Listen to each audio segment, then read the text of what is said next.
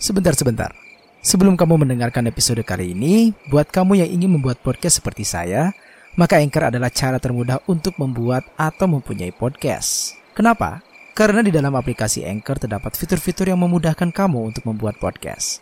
Anchor juga bisa membantu untuk mendistribusikan podcast kamu secara luas, seperti Spotify dan platform podcast lainnya. Langsung saja download aplikasi Anchor A N C H O R di App Store dan Play Store.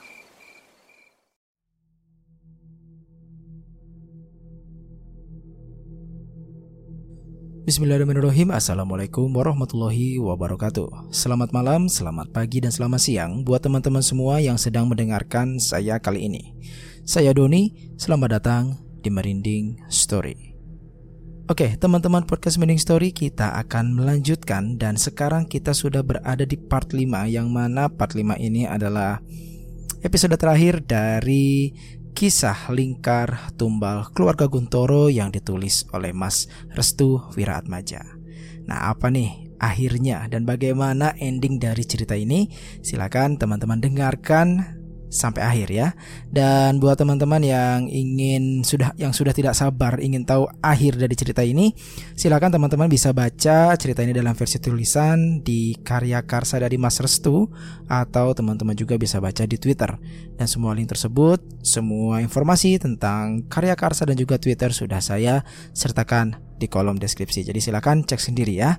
Oke, kita langsung saja masuk ke ceritanya tapi sebelum itu silakan teman-teman untuk berdoa terlebih dahulu, pasangkan headset, terus kemudian siapkan cemilan karena cerita akan segera dimulai. Berikut kisahnya.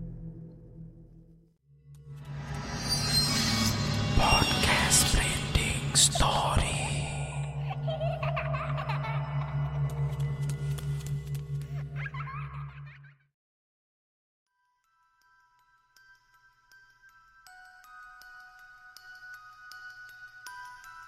Jawa Barat, kediaman Ustadz Hambali. Ustadz Hambali langsung mengenakan pakaian lengkapnya. Ia meminta izin kepada istrinya untuk segera menuju ke desa Ampiri. Aku akan menjemput Mita sekarang. Tapi pak, kenapa tidak besok saja? Aku punya firasat yang tidak enak. Maksud bapak, Mita ingin dijadikan tumbal selanjutnya.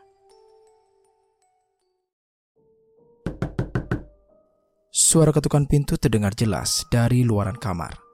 Dita segera menutup album foto tersebut dan menyembunyikannya di tempat yang aman. Mita, Dita, ayo keluar dari kamar dulu. Kita makan malam bersama. Ucap Ibu Gusti dari luaran kamar. Dit, itu ibu kamu. Ucap Mita. iya bu, Eh, kita lagi beresin mukena dulu teriak Dita untuk memastikan jika mereka berdua dalam keadaan yang kurang siap untuk keluar dari kamar. Dita meminta kepada Mita untuk bersikap tenang dan jangan menampakkan wajah cemas di hadapan ibunya ataupun bapaknya. Mereka berdua pun akhirnya keluar dari kamar. Di luaran kamar, Pak Hendro dan juga Bu Gusti sudah berada di ruang makan. Mereka berdua tampak setia menunggu kehadiran Dita dan Mita untuk makan malam bersama. Bagaimana kamu sayang? Masih kurang sehat badannya? Tanya Bu Gusti kepada Mita. E, e, enggak bude, Ah, Alhamdulillah udah mendingan. Bu Gusti pun tersenyum. Berbeda dengan Pak Hendro, ia justru menatap Mita dengan tatapan yang tidak biasa. Mita yang ditatap semacam itu menjadi canggung. Ia tampak kurang nyaman jika ada seseorang yang melihat wajahnya dengan tatapan yang tidak biasa. Tunggu apa lagi? Ayo, duduk dan makan bersama. Kok berdiri terus? Pak D, semacam orang asing ya di mata kamu? Tanya Pak Endro. Oh, eh, oh, bukan bukan begitu Pak D. Eh, Kebetulan saya mau mengucapkan terima kasih karena sudah diberikan jamuan semacam ini. Jelas Mita. Kamu ini seperti sama siapa saja. Silakan duduk. Oh iya, malam ini kamu akan pindah ke kamar di ruangan belakang ya? Tanya Pak Hendro. Belum juga Mita duduk, dia mendapat tawaran pindah kamar dari Pak Hendro. Agak aneh memang. Tapi Mita sendiri belum tahu apa motif dari Pak Hendro dan juga Bu Gusti ingin memindahkan Mita serta memisahkan Mita dengan Dita. Loh, kok Mita dipindah pak? Tanya Dita. Kalian makan saja dulu ya. Nanti Bapak jelasin mengapa alasan kami memisahkan kalian berdua. Jelas Pak Hendro. Dita pun menatap Mita sembari menggeleng-gelengkan kepala. Ia baru pertama kali ini merasa ada perbedaan terhadap orang tuanya sendiri. Mereka pun makan bersama di malam itu. Kesannya seperti sebuah makan malam perpisahan di antara Mita dan juga Dita. Selesai makan, Pak Hendro pun langsung menjelaskan terkait alasan dirinya memisahkan kamar antara Mita dan juga Dita. Sebenarnya, ibu sudah lama ingin memindahkan kamu ke ruangan belakang. Tapi karena memang belum dibereskan, jadi kamu sementara ini di tempatnya Dita. Jelas, Pak Hendro. Mita hanya terdiam. Ia masih mengambil sesuap demi sesuap nasi dan lauk untuk dimasukkan ke dalam mulutnya. Belum terlihat jelas apa yang memang diinginkan oleh Pak Hendro sendiri. Padahal sudah hari ke-6, Mita berada di rumah tersebut. Tapi mengapa harus menunggu hingga dalam waktu yang lumayan lama untuk pindah kamar. Ya sudah, sekarang Mita beresin semua barang-barangnya ya. Kamu pindah ke kamar belakang, biar Dita tidur sendirian di kamarnya. Jelas, Pak Hendro. I iya Pak De, uh, tapi sebelum itu uh, aku mau ngasih tahu sesuatu kepada Pak De. Um, karena sudah hampir seminggu, besok aku ingin pulang Pak De. Jelas Mita kepada Pak Hendro. Pak Hendro dan Bu Gusti yang mendengar hal itu langsung terkejut. Mereka saling menatap satu sama lain, seperti memberi sinyal terkait keputusan yang baru saja disampaikan oleh Mita. Tapi Mita, sudah belasan tahun loh kita baru ketemu lagi. Masa di desa ini cuma seminggu? Bu Gusti mulai memberikan banyak sekali opini-opini lainnya yang bertujuan agar Mita tidak pulang ke tempatnya dalam waktu yang sangat dekat itu. Um, iya, Bude, saya sudah berjanji sama Pak Leham Bali, saya nggak boleh lama-lama. Loh, Gak bisa gitu dong. Kamu kan di sini saudara kita juga. Hambali juga sadar dan tahu jika kamu baru ketemu sama saudara-saudaranya. Pastilah diperbolehkan jika menginap di sini dengan menambah waktu lagi. Pak Hendro sengaja memberikan kalimat manis agar Mita tidak jadi pulang ke tempat Pak Leknya. Dia terus-menerus memohon kepada Mita untuk tidak pulang terlalu cepat karena memang ada beberapa hal yang belum diketahui oleh Mita sendiri. Kamu kan belum ziarah sayang. Kamu mau langsung pulang. Kasihan loh. Masa iya kamu gak mau ke kuburan kedua orang tua kamu? Jelas Ibu Gusti. Ternyata Pak Hendro dan juga istrinya yaitu Bu Gusti selalu menahan-nahan Mita agar tidak pulang terlalu cepat. Mita tidak bisa berbuat apa-apa ia sendiri sebenarnya sudah tidak betah dengan kejanggalan yang terus-menerus terjadi di desa Ampiri. Ya sudah, selesai makan, Mita langsung bawa semua barang-barang ke kamar belakang ya. Ucap Bu Gusti. Siap Bu. Mita segera menuju ke kamar Dita dan membereskan semua barang-barangnya untuk nantinya dipindahkan ke ruangan yang memang sudah disediakan oleh Ibu Gusti. Ia tak pernah sedikit pun untuk menaruh rasa curiga terhadap pilihan yang memang sudah ditetapkan oleh Bu Gusti kepada dirinya. Namun, Mita sendiri masih belum mengerti mengapa dirinya harus diberitahu semendadak ini. Pintu tiba-tiba terbuka. Dita masuk ke kamar dan melihat Mita yang sedang membereskan barang-barangnya. Biar aku bantu, Mit. Oh, iya, makasih, Dit. Dita membantu membereskan baju-baju dan barang-barang milik Mita. Sebenarnya, entah mengapa, Dita merasa nyaman saja ketika dirinya berada dekat dengan Mita. Ia merasa jika Mita seperti saudara kandungnya sendiri. Mit. Mita langsung menatap Dita. Ia tahu ada sesuatu yang memang ingin disampaikan oleh Dita kepada dirinya, namun seperti tertahan oleh sesuatu. Aku seperti mengingat sesuatu di ruangan belakang. Tampaknya ruangan itu seperti tidak asing dalam kepalaku, Mit. Hmm, maksudnya? Nggak tahu. Aku sulit mengingatnya, Mit. Tapi yang, yang aku tahu, waktu kecil, aku pernah pingsan di dekat ruangan itu. Jelas Dita. Pingsan?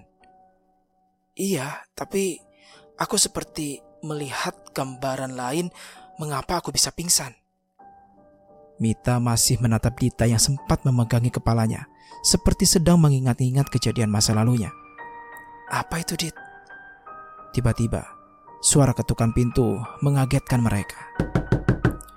Suara ketukan dari luaran kamar menandakan jika Bu Gusti sudah sedari tadi menunggu Mita untuk keluar. Sayup-sayup, terdengar suara langkah kaki seperti orang yang sedang berbolak-balik di sekitaran luaran kamar. Mit, nanti aku ceritain kalau aku udah inget. Sekarang, kamu harus ke ruangan belakang dulu. Aku gak mau kalau ibu tahu tentang obrolan kita berdua. I iya, Dit, aku paham kok. Mita pun segera keluar dari kamar. Di luaran kamar, ia telah melihat Bu Gusti dan juga Pak Hendro yang sudah menunggu Mita untuk segera pindah dari kamar Dita. Maaf, lama Bude. Mita tadi habis ngobrol sama Dita. Ucap Mita. Hmm, iya gak apa-apa. Kalian kan memang seperti saudara. Ya siapa tahu itu adalah obrolan terakhir kalian. Hmm, maksud Bude? Oh, uh, maksud Bude, kan kamu ini mau pulang nanti. Jadi siapa tahu nanti kalian berpisah dalam waktu yang lama lagi. Jelas Bu Gusti. Mita pun hanya terdiam. Ia kemudian berjalan menuju ruangan belakang yang nantinya akan dijadikan sebagai tempat tidurnya. Setibanya di kamar tersebut, Mita terkejut karena ruangannya berbeda jauh dengan ruangan Dita. Di dalam ruangan tersebut terdapat kelambu yang bertujuan agar nyamuk ataupun serangga lainnya tidak mengganggu saat ingin tidur. Ini kok ruangannya seperti dirias layaknya pengantin ya? Tanya Mita. Mita pun segera meletakkan barang-barangnya ke beberapa sisi dimulai dari tas, Al-Quran kesayangannya, dan beberapa barang lainnya. Setelah merapikan tempat, Mita masih memandangi sekitaran ruangan yang begitu aneh. Pasalnya, di kamar lainnya tidak ada ruangan yang bentuknya seperti ruangan ini. Mita pun mencoba untuk mengecek ke bagian bawah ranjang. Ia ingin tahu apa ada sesuatu yang berada di bawah ranjang itu. Begitu Mita sedang mengecek bagian bawah ranjang, tiba-tiba ia mendengar suara seperti desisan ular.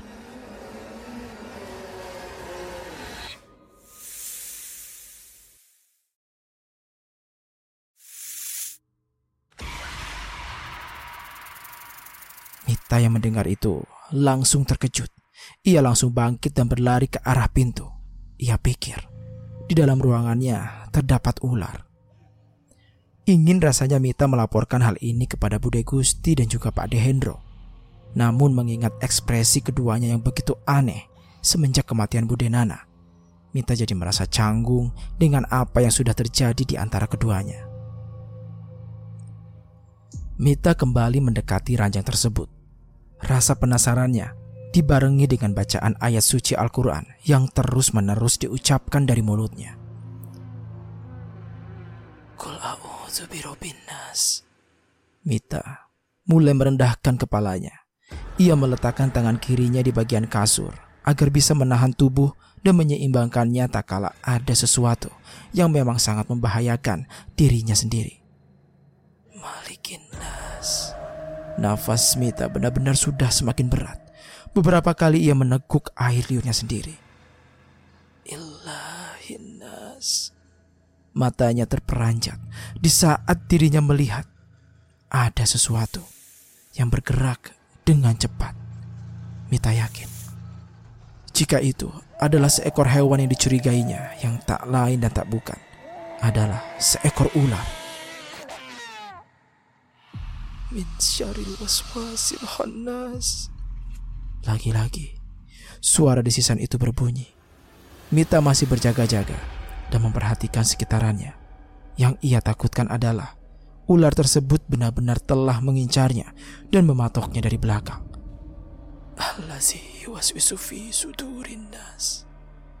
Namun, ada yang aneh. Mita merasa aneh saja saat dirinya merasakan ada sesuatu yang sudah berdiri di belakangnya. Minal jinnati wan nas. Mita didorong oleh sesuatu hingga kepalanya terbentur ranjang. Ia tidak mengingat apa pun, tapi sayup-sayup. Ia mendengar suara seorang wanita yang belum pernah sama sekali didengarnya. Tak kalah dirinya menempati rumah Pak Dehendro dan juga Bude Gusti. Namun kedua mata Mita lebih dulu terpecah. Tidak ada suara lagi. Semua menghitam, senyap, dan sunyi. Inikah yang dinamakan pingsan? Atau memang dirinya sedang berada di sisi dunia lain? Tak kala Mita sedang tidak sadarkan diri, ia mendengar sahutan suara wanita yang memanggil namanya berkali-kali. Mita. Mita. Mita mendengar suara wanita yang memanggilnya itu berkali-kali. Entah menurutnya suara itu sangat nyaman di telinga. Namun mengapa ia baru pertama kali mendengar suara itu? Rasanya ia seperti sedang dipanggil oleh orang tuanya sendiri. Ia tak tahu apa yang sedang terjadi. Namun suara itu tampak sangat nyata. Apakah Mita berada di alam mimpi? Atau memang hanya sebatas halusinasi. Akan tetapi, suara yang menyejukkan hati Mita itu tidak lama. Setelah suara yang memanggilnya itu menghilang, Mita langsung mendengar suara orang yang sedang bertengkar di luar. Kita harus tinggalkan tempat ini sekarang, Pak. Bapak harus kasihan sama Mita. Tapi Bu, bagaimana caranya? Bagaimanapun, kita harus lari. Semua anak dari keluarga Guntoro akan ditumbalkan. Mita langsung terkejut mendengar kalimat itu. Ia tidak tahu apa yang sedang mereka katakan terkait keluarga Guntoro. Saat ini, ia sadar jika dirinya berada di dalam alam mimpi. Mita mencoba untuk membuka kedua matanya. Ia ingin tahu keributan apa yang sedang terjadi di luaran. Ini aku aku di mana? Ia menatap seluruh ruangan yang sepertinya sangat berbeda, seperti ruangan yang ia tempatkan barusan. Aku aku lagi mimpi ya. Mita langsung bangkit. Suara teriakan minta tolong langsung terdengar jelas dari luaran. Tolong, tolong. Mita tak tahu apa yang sebenarnya sedang terjadi. Langkah kaki Mita sedikit dipercepat. Ia langsung menuju ke ruangan depan untuk mengetahui terkait keributan yang sedang terjadi. Saat dirinya tiba di ruangan depan, Mita sedang melihat ada seorang wanita yang sedang diikat dengan menggunakan tali tambang.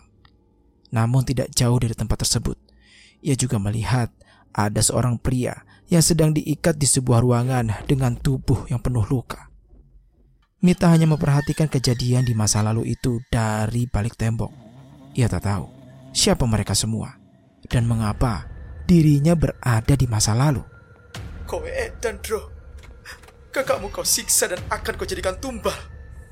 Apa yang ingin kau lakukan juga kepadaku? Ucap wanita itu.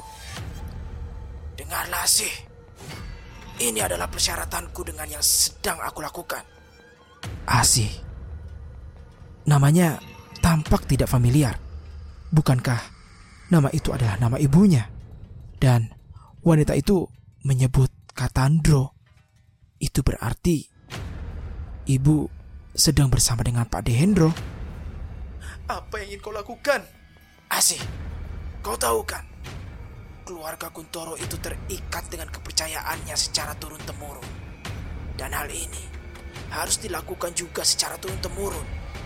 Suamimu yang juga sekaligus kakak kandungku, dia tidak berkeinginan untuk melakukan hal itu. Oleh sebab itu, aku mendapatkan wangsit dari bapak untuk menumbalkan kalian berdua. Mita terkejut mendengar hal itu. Ia baru menyadari terkait penyebab kematian kedua orang tuanya itu. Ternyata Pak Dehendro adalah dalang di balik ini semua. Aku sengaja selamatkan anakmu. Namun tak kala dia menginjak ke desa ini, maka dia adalah tumbal selanjutnya. Mita menutupi mulutnya dengan kedua tangannya. Ia juga meneteskan air matanya secara perlahan. Namun, bukankah dia berada di alam mimpi? Mengapa kejadian ini tampak nyata dan seolah-olah Mita sedang berada di tempat kejadian? Sekarang ikut aku. Pak Dehendro langsung menarik rambut Bu Asih. Lalu ia membawanya ke sebuah ranjang. Perlahan, Pak Hendro melucuti pakaian Bu Asih secara perlahan. Lalu, ia memperkosa Bu Asih tepat di dekat jasad ayahnya, Pak Darmo. Mita yang melihat kejadian di masa lalu itu hanya terdiam, sembari kedua matanya terus-menerus meneteskan air mata. Jadi, selama ini Bapak dan Ibu adalah Selesai memperkosa Bu Asih, Pak Dehendro menuju ke ruangan belakang sembari menyeret tubuh Bu Asih yang sudah tidak berdaya. Mengetahui hal itu, Mita langsung bersembunyi. Ia tidak mau jika dirinya diketahui walaupun hanya sebatas dari dalam alam mimpi. Lantai rumah Pak Hendro penuh dengan darah yang keluar dari alat kelamin milik Bu Asih.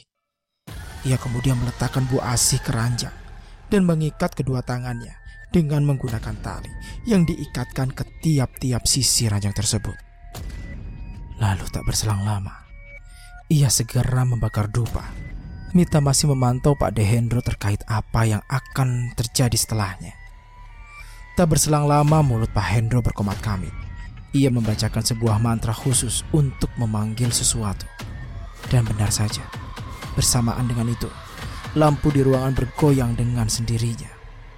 Lalu hal yang mengerikan pun terjadi begitu cepat. Dari bawah ranjang tersebut, keluar sosok wanita berbadan ular lengkap dengan mahkota di atasnya. Sosok ular tersebut langsung memeluk tubuh Pak Hendro dan menciuminya beberapa kali. Tugasku sudah selesai. Bayi yang kau tanam di rahim wanita ini akan dikeluarkan dari tubuhku. Pak Dehendro hanya terdiam. Ia kemudian meninggalkan wanita berbadan ular tersebut bersama dengan ibu Asih. Mita yang mengetahui hal tersebut langsung kembali bersembunyi. Tak kala Pak Hendro ingin keluar dari ruangan tempat di mana wanita berbadan ular itu sedang menjilati rahim Bu Asih dengan lidah panjangnya.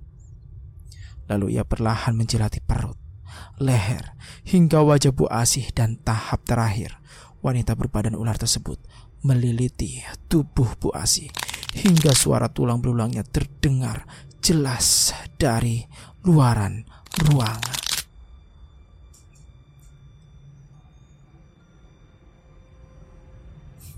Mita langsung terbangun dari pingsannya. Ia terkejut saat dirinya sedang berada di dekat ranjang dengan tubuh yang bersandar dengan tembok. Astagfirullahalazim. Aku mimpi apa barusan? Mita langsung melihat jam dinding. Ternyata sudah menunjukkan waktu jam 2 pagi. Ia kemudian beranjak bangkit sembari memegangi kepalanya yang masih terasa nyeri akibat benturan keras tersebut. Ah, Allahu Akbar. Mimpi barusan aneh banget ya? Tapi kenapa terasa kayak nyata? Mita berjalan menuju ke arah kamar mandi. Namun tak kala dirinya ingin menuju ke kamar mandi. Mita mendengar suara desahan yang kuat dari kamar depan.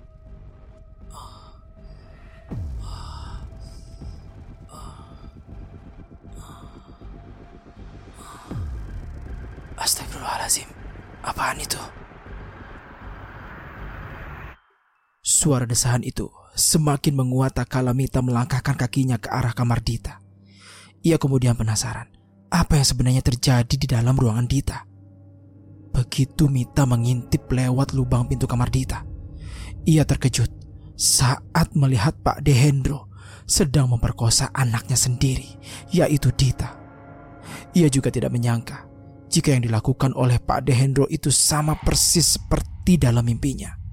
Mita pun segera mendobrak pintu tersebut.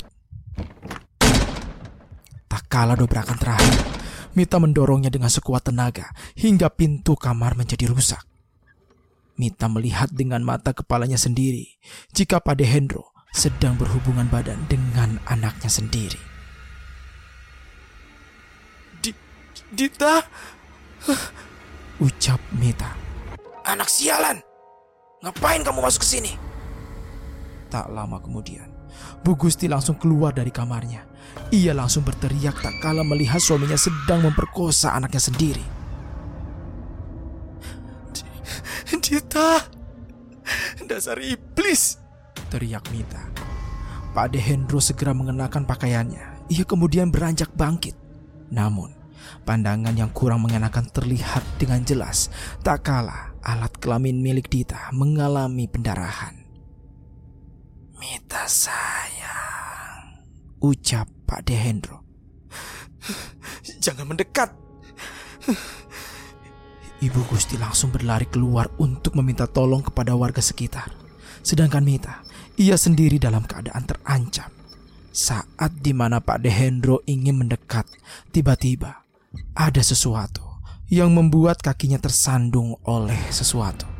Lalu, dari bawah ranjang, keluar sesuatu yang bentuknya seperti dalam mimpi Mita. Dia adalah wanita berbadan ular yang bentuknya sama persis seperti dalam mimpi Mita barusan. Kau Mita merasa ketakutan saat tubuh dari wanita berbadan ular tersebut meliliti ke tubuh Pak Hendro hingga suara tulang belulangnya terdengar sangat renyah. Ia kemudian berlari meninggalkan Pak Dehendro dengan tujuan untuk menjemput Bu Gusti dan meminta bantuan kepada warga lainnya. Namun di tengah perjalanan, Mita bertemu dengan seorang petani yang ditemuinya di hari pertama saat dirinya dibawa oleh seorang tukang beca yang meninggal dengan cara yang mengenaskan. Pak, tolong saya, Pak. Tidak berselang lama, suara lampor berbunyi dengan jelas. Orang itu langsung menarik Mita untuk bersembunyi dari balik pohon. Dan benar saja, lampor itu melewati rumah Pak Dehendro untuk mengejar tumbalnya. Ini adalah hari terakhir mereka. Suara lampor itu terus menjauh. Namun setelah menghilangnya suara lampor tersebut, tiba-tiba terdengar suara jeritan yang sangat keras dari kejauhan. Bude Gusti. Ucap Mita. Lampor itu mengondolmu, Bu Gusti. Pak, tolong selamatkan. Tidak bisa. Mereka yang tergondol lampor adalah mereka yang sudah dijadikan tumbal. Mita hanya bisa menangis. Satu persatu, sosok anggota keluarganya menghilang dengan cara yang mengenaskan. Siapa namamu, nak? Tanya petani itu. Aku Mita, Pak. Aku Abid. Ustadz Abid?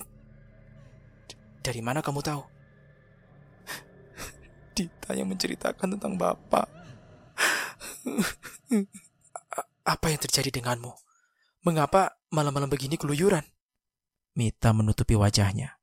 Ia tidak bisa mengatakan apa pun lagi terkait hal yang sudah terjadi tepat di hadapannya.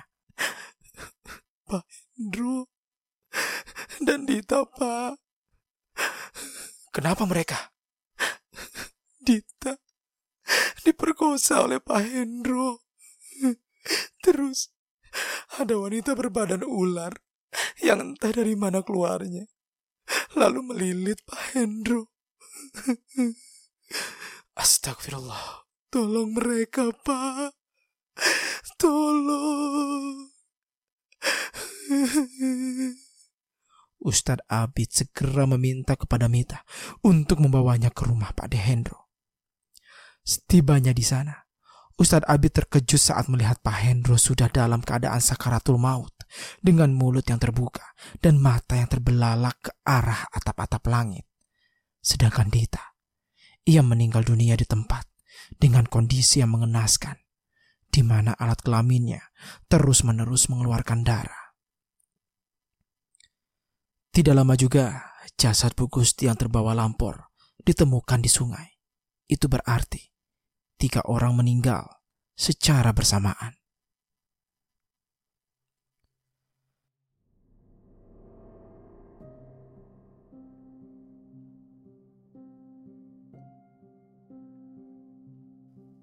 Pagi itu menjadi duka bagi Mita. Tepat di hari ketujuh dirinya berada di desa Ampiri ia juga telah melihat kematian yang sangat mengenaskan terhadap saudara-saudaranya sendiri. Bertepatan dengan itu juga, sebuah mobil langsung berhenti di depan rumah Pak Dehendro. Lalu, keluarlah seorang laki-laki dengan pakaian layaknya seorang ustadz. Pak Le! Teriak Mita tak kala mengetahui jika yang baru saja datang adalah Ustadz Hambali. Alhamdulillah Mita, kamu selamat. Pak Le, aku takut. Pak Le tahu. Ustadz Hambali melihat ketika jenazah sudah dibaringkan dan sudah siap untuk dikuburkan pada hari itu juga. Dia tidak menyangka jika kejadian yang mengerikan di masa lalu terulang kembali seperti layaknya lingkaran tumbal. Uh, permisi pak, Bapak saudaranya? Tanya seorang warga. Iya, benar. Saya Hambali. Jenazah akan dikuburkan sekarang, Pak. Bagaimana? Apa menunggu keluarga yang lainnya? Oh, tidak usah, Pak. Sekarang saja dikuburkan. Akhirnya, para warga pun segera bangkit dan mengangkat masing-masing jenazah untuk kemudian dimasukkan ke dalam keranda, lalu dibawa menuju ke pemakaman. Setibanya di pemakaman, Ustadz Hambali terkejut saat melihat ada makam lainnya yang berjajar dekat di liang lahat ketika jenazah yang akan dimakamkan. Mas Santo, Mbak Anti, Mbak Nana, Innalillahi wa innalillahi roji'un. Ketiga makam tersebut adalah ketiga anggota keluarganya yang meninggal terlebih dahulu. Mereka adalah Mas Anto, Mbak Anti, dan juga Mbak Nana. Setelah jenazah dikuburkan, para warga langsung pulang ke rumahnya masing-masing. Mita masih membacakan doa, sekaligus berziarah ke makam kedua orang tuanya yang letaknya tidak terlalu jauh dari tempat tersebut. Selesai melakukan hal tersebut, Mita pun segera bangkit dan menguatkan dirinya agar lebih belajar ikhlas dan menerima segala ketetapan yang ada. Ustadz Hambali dan Mita pun meninggalkan area pemakaman. Namun sebelum mereka keluar tepat di area pemakaman, Ustadz Hambali terkejut saat melihat seorang pria dengan badan yang kurus kering sedang berdiri memandanginya. Mas Indra. Mita langsung terkejut mendengar kalimat yang baru saja diucapkan oleh Ustadz Hambali. Siapa Pak Le? I itu Mas Indra, saudaramu juga. Mas Indra Subakti. Kamu tahu namanya? Dita yang ngasih tahu Pak Le. Pria yang bernama Indra Subakti itu mendekati Ustadz Hambali. Ia kemudian berhenti tepat di hadapannya seraya berkata, Semua sudah selesai. Kandang bubramu memang tidak separah yang lain. Namun anakmu bisa cacat karenanya. Astagfirullahalazim. Lingkar tumbal ini sudah aku selesaikan. Perjanjianku dengan demit lampor sudah berakhir. Sekarang, aku hanya menikmati hari-hari sebelum kematian menjemputku. Mas Indra pun meninggalkan mereka berdua. Ia kemudian berjalan ke area pemakaman. Pikir Mita, mungkin Mas Indra ingin berziarah ke seluruh anggota keluarganya. Akhirnya mereka berdua pun melanjutkan perjalanan. Namun, saat di mana Mita dan juga Ustadz Hambali tiba di hadapan rumah Pak Hendro, Mita pun segera mengambil barang-barang miliknya. Sedangkan Ustadz Hambali, ia mengecek tiap ruangan yang ada di rumah tersebut. Saat di mana dirinya sedang mengecek ruangan belakang, ia terkejut saat melihat seluruh anggota keluarga Guntoro sedang berdiri menatapnya dengan tatapan yang kosong. Kapan kamu nyusul, Du? Podcast